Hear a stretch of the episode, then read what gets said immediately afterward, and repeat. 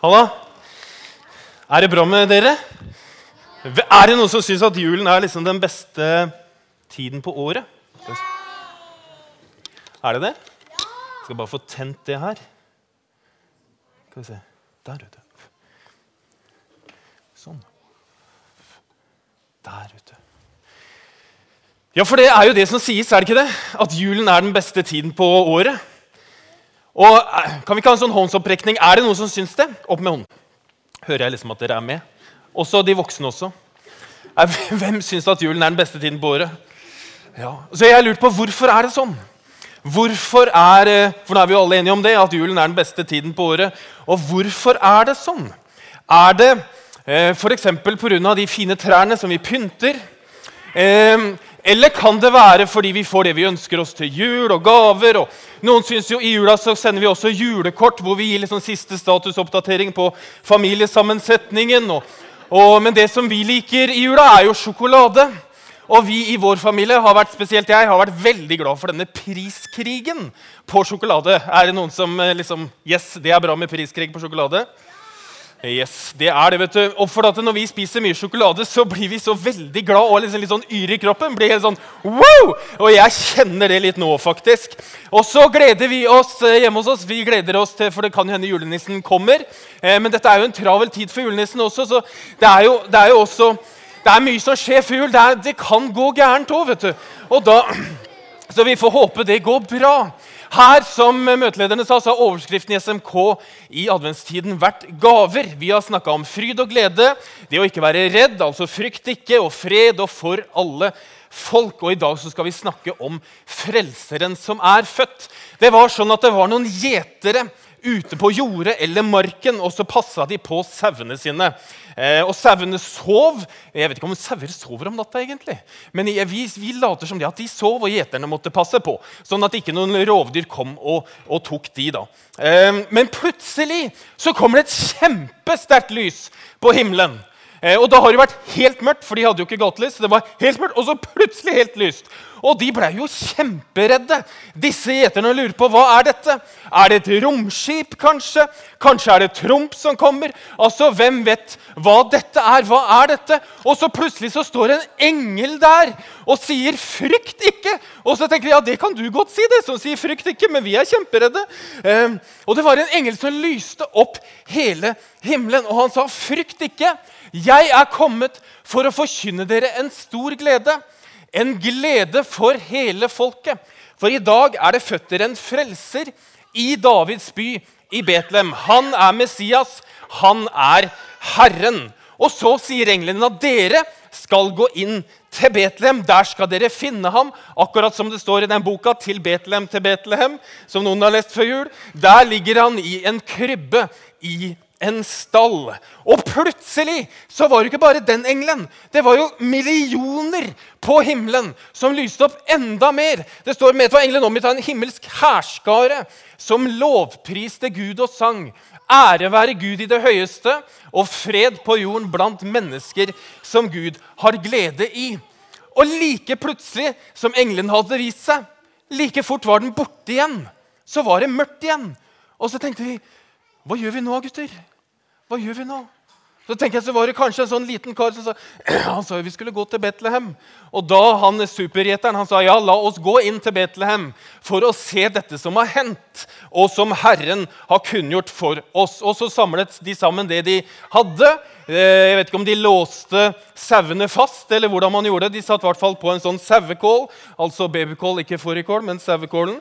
Og så skyndte de seg av sted og fant Maria og Josef og det lille barnet som lå i krybben. Og vet du hva? Hver eneste jul i snart 2000 år så har mennesker, gjetere, hyrder og hva nå enn det er, oppsøkt dette Det kom litt gærent ut, ser jeg. Men de har ikke, altså i forhold til hva nå enn det er, men de har oppsøkt dette barnet i krybben.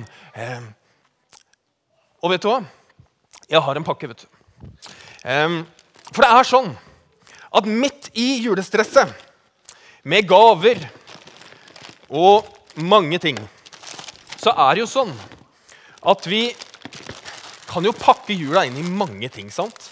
Gaver og trær og priskrig. Og, og så kan det være litt sånn vanskelig å liksom komme til bunns for hva det egentlig handler om. Hva er det liksom Er det ikke litt sånn? I litt sånn alt stresset, liksom. Så plutselig så er vi SMK, så kommer vi jo aldri til bunns. Men vet du hva? Når vi pakker opp, og pakker bort kanskje, alt annet, så handler julen om én ting. Det handler om barnet i krybben, som peker fram til den dagen som han skal dø på et kors. Hør her. Jesus Kristus er ikke kommet bare for de som fikser livet. Bare for de som har alt på stell. Han er jo kommet for de òg, men ikke bare for de. Ikke bare for de som fikser den sprø spora på ribba og sørger for at mandelpoteten ikke blir liksom mandelgrøt på julaften. For de som lager marsipan selv og poster det på Facebook. Jeg har sett noen som har gjort det, Da ble jeg så veldig sjalu. De som hadde laga marsipan selv, ikke kjøpte den på billigsalg. sånn som jeg gjorde. Han er ikke bare kommet for de. Hør her. Han som ble født i en stall, som vi feirer i dag, som vi hyller som herre, mester og frelser, som kom til jorden for at vi skulle være sammen med Gud for alltid. Han er kommet til alle folk, uansett hva du strever med. Om du har blitt forlatt, eller kanskje du har vært den som har forlatt i løpet av 2016. Om du står alene eller sammen med andre, om du er rik eller fattig, syk eller frisk eller høy eller lav, eller barn eller voksen. Jesus han er kommet for alle mennesker, for alle folk, også for deg. Det var jo tre vise menn eh, som het eh, Balthazar, Kaspar og Melkjord. Og Noen dager senere så går de inn i det huset hvor Jesusbarnet er, og så gir de han noen gaver. De gir han gull, som symboliserer at eh, Jesus skulle bli en konge for alle folk. Og så ga de han røkelse, som er det her, som viser frem til at alle folk skal tilbe Jesus Kristus i all evighet. Det er derfor de ga røkelse. Og så ga de myrra. Og nå har ikke jeg funnet myrra, det er ganske vanskelig, men jeg har funnet noe som ligner. Eh, og myrraen den ble jo egentlig brukt for å balsamere de som var døde, og mange andre ting.